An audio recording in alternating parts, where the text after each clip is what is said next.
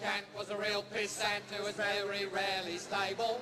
Heidegger, Heidegger was a boozy beggar who could drink you under the table. David Hume could outconsume Schopenhauer and Hegel. And Wittgenstein was a beery swine who was just as sloshed as Schlegel. Hallo, leuk dat je luistert naar de tweede podcast van Felix en Sophie, de inleiding. Deze aflevering biedt vast een klein inkijkje in de thematiek van de komende avond op 30 november. Die gaat over de ethische vraagstukken die opkomen bij nieuwe technologie in de zorg. De aanleiding hiervoor is de NIP-test, die in een vroeg stadium van de zwangerschap relatief betrouwbaar vaststelt of het ongeboren kind een chromosoomafwijking zoals het Down-syndroom heeft. Ik ga zo meteen in gesprek met filosoof en bioethicus Marcel Zuiderland, die tijdens de avond ook zal komen spreken. Hij betoogt in zijn boek Gentest of Geen Test dat als er down wordt geconstateerd, het afbreken van de zwangerschap goed te rechtvaardigen is en beter te verdedigen dan het voortzetten van de zwangerschap. Hij zoekt de spanning op tussen de verantwoordelijkheid om dit te doen en de vrijheid van de ouders om over hun eigen lichaam en leven te beschikken. Hiermee staat hij lijnrecht tegenover een andere spreker, zorgethicus Alistair Niemeyer, die Marcel's standpunten bestrijdt. Linde van Schuppen praat zo meteen ook met ons mee. Zij is redactielid van Felix en Sophie en zal de avond modereren. In de filosofie of überhaupt in de bioethiek of nou, meer in het algemeen heb je altijd, men spreekt van reproductieve vrijheid aan de ene kant en reproductieve verantwoordelijkheid aan de andere kant. En die Mhm. reproductieve vrijheid betekent eigenlijk dat jij eh, mag beslissen of je überhaupt kinderen wil, hoeveel kinderen je wil, wanneer je die kinderen wil en op wat voor manier je die kinderen wil.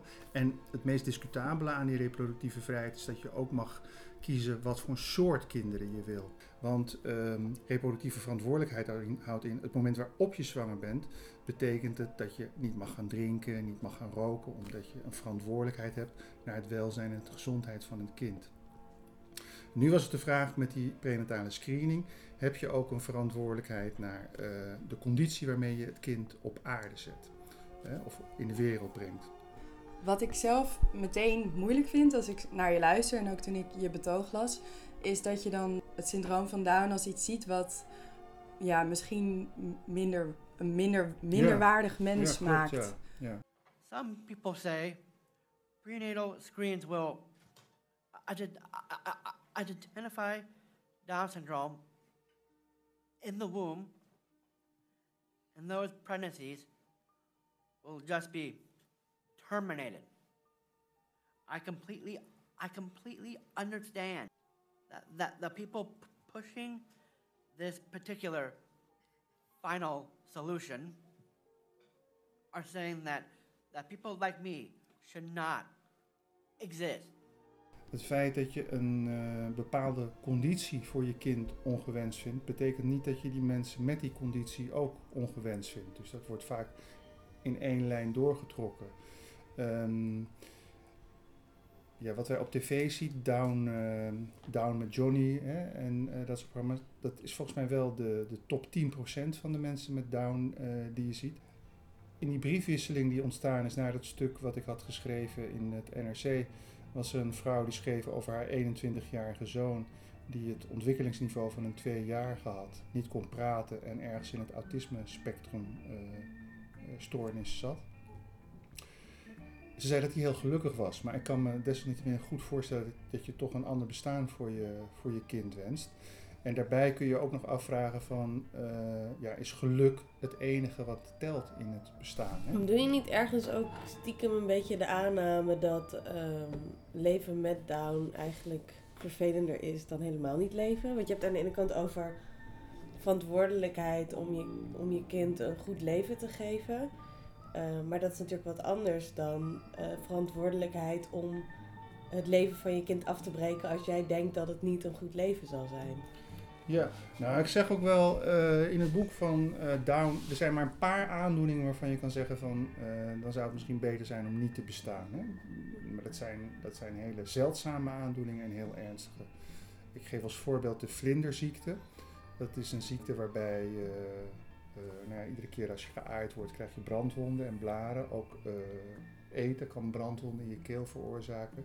Verschrikkelijk. Ja, dus dat is, dat is eigenlijk een leven van, constante pijn en jeuk ook. Want iedere keer als je jezelf krabt, of, hè, dan gaat dat infecteren, die wond. Dus dat gaat weer jeuken. En, eh, nou, dat, is, een hel van een ziekte.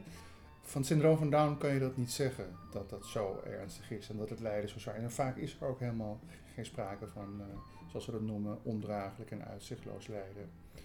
Ehm, ik zeg aan de ene kant is het goed te rechtvaardigen dat ouders die eh, zwangerschap afbreken, omdat een uh, foetus van jonger dan 24 weken nog geen volwaardig persoon is, wat in aanmerking komt voor dezelfde rechten als jij en ik. Het idee is altijd van Um, abortus is, een, toch een, is nooit een moreel neutrale ingreep. Als je kijkt naar het abortus van de jaar, debat van de jaren 60, 70 had je um, mevrouw Warren, een filosoof, die zei van uh, filosofisch gezien of ethisch gezien is er eigenlijk geen verschil tussen het knippen van je haren en een abortus. Nou, dat, dat onderscheidt vrijwel niemand meer. Hè? Dus het idee is toch wel dat een abortus dat dat, dat, dat nooit helemaal moreel neutraal is. Dus je hebt toch altijd iets van goede redenen nodig. Aan de andere kant kan je zeggen van ja, is het beter te verdedigen? En dan heb je geen ander standpunt wat mij betreft dan het utilisme. In die zin dat ik uiteindelijk denk dat de kansen op welzijn voor een kind zonder lichamelijke en uh, verstandelijke beperkingen uh, beter zijn dan voor een kind met. En het syndroom van Down gaat altijd daarmee gepaard. Wat houdt utilisme in dit verband in? Wat bedoel je daarmee? Ja, echt gewoon zoals Bentham het formuleerde. Uh, iedere handeling die het grootste geluk voor het grootste aantal oplevert, is de te prefereren handeling. Dus ik zeg van, in het boek kom ik, uh, het hoofdstuk over utilisme, begin ik met stel dat God je uitnodigt in de machinekamer van zijn almacht. En hij toont je een groene knop en een rode knop. En hij zegt, als je op de groene knop drukt, wordt iedereen gelukkiger. Als je op de rode knop drukt, wordt iedereen ongelukkiger.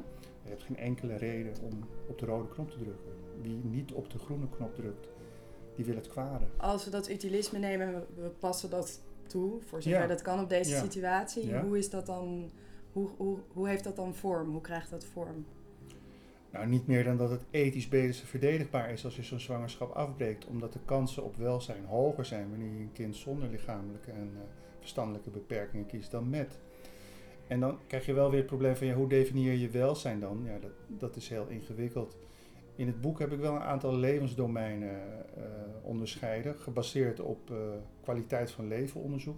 En dan zie je dat er eigenlijk altijd een stuk of zes levensdomeinen terugkomen waarin, waarin geluk wordt gegenereerd. En dat is de belang, het belangrijkste levensdomein is het domein van, van relaties, dus goede vrienden hebben, een goede partner hebben, is heel belangrijk voor levensgeluk. Werk en opleiding is belangrijk. Uh, wonen en woonomgeving is belangrijk. Uh, levensstandaard is belangrijk. En zingeving is belangrijk. En persoonlijke ontwikkeling. Nou, ik denk hoe intelligenter je bent, niet te intelligent, want dan, dan gaat het weer tegen je werken. Dus hoe intelligenter je bent, hoe uh, stabieler je karakter is. Dus al die elementen die zeg maar niet samenhangen met uh, lichamelijke en geestelijke beperkingen, hoe groter de kans is dat je op die levensdomeinen uh, succes hebt, voorspoed kunt genereren. Dus in die zin kan je een beetje kijken, kan je het utilisme een beetje operationaliseren en zeggen van nou ja, dan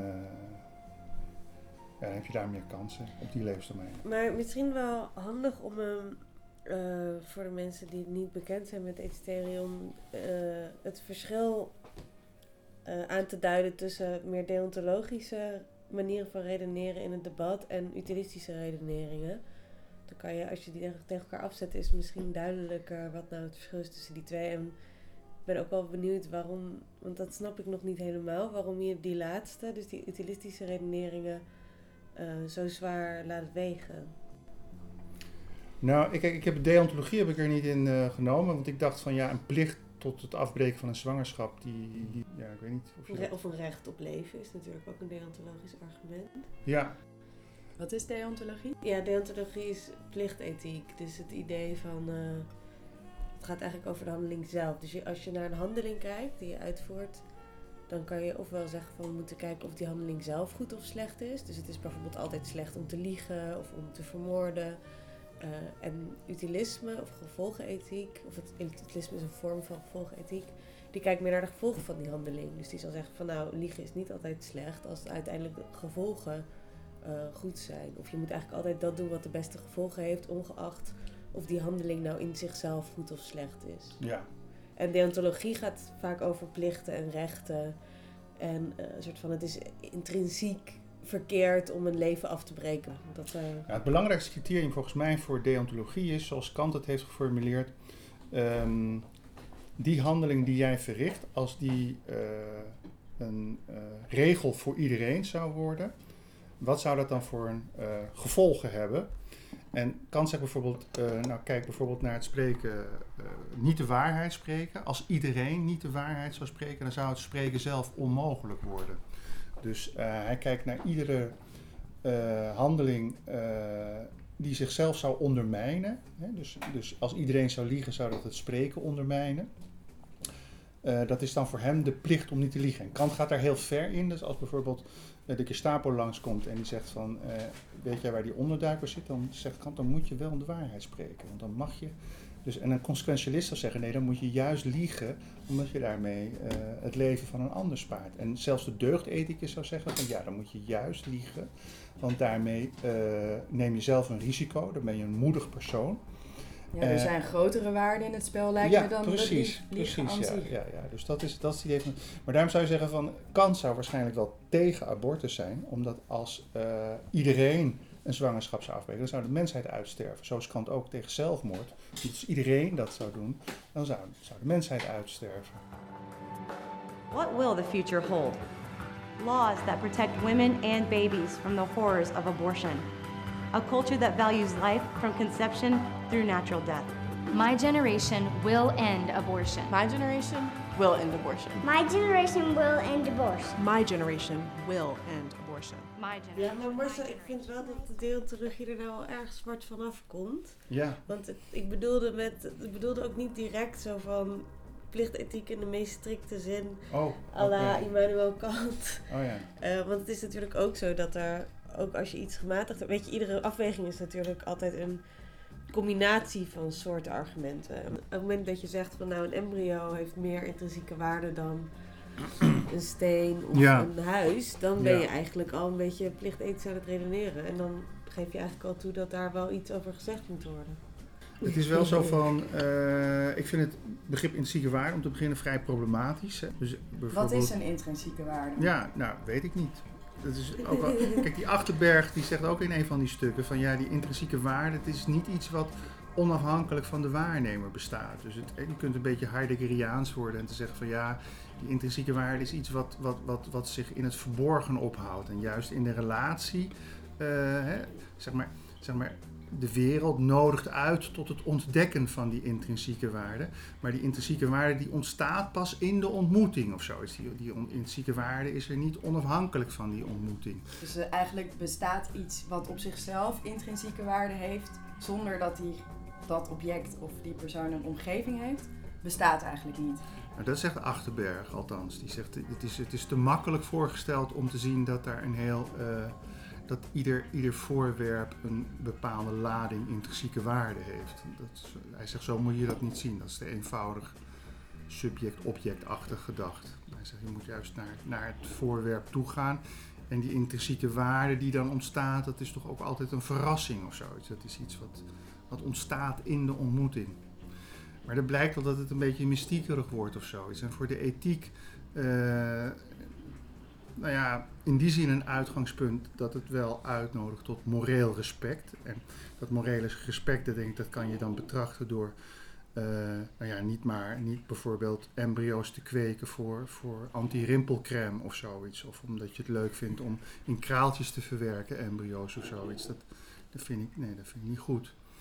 Maar ehm, als, het, als, het, als het een besluit wordt voor, eh, god, wat voor leven ga ik krijgen als ouder met een kind wat zorgintensief is. Nee, dat wil ik niet. Dat wil ik niet voor mezelf, dat wil ik niet voor het kind. Dan vind ik niet dat je per definitie respectloos bent of dat je dan geen morele rechtvaardiging hebt omdat het ongeboren leven zoveel intrinsieke waarde En zou hoe, maar hoe ver gaat dit dan? Dus als je je kind waarschijnlijk ook welvarender eh, ehm, en een, een meer bevredigend leven zal leiden als eh, het kind heel knap is, mag je dan ook gaan selecteren op de knapste embryo's? Ja, zeker. Ja? Ja, tuurlijk. ja, Sabine schrikt zich Ja. Ja, ja, waarom niet? Hij is radicaal. Nou, het wordt zo eng. Het wordt een beetje, het Wat wordt is een er beetje eng? nazistisch. Wat is er eng aan? Ja, het, het is natuurlijk heel veel ongelijkheid wat eruit voort kan komen. Nee, juist meer gelijkheid. Naarmate mensen meer gaan selecteren op knappe kinderen, hebben we allemaal knappe kinderen, toch?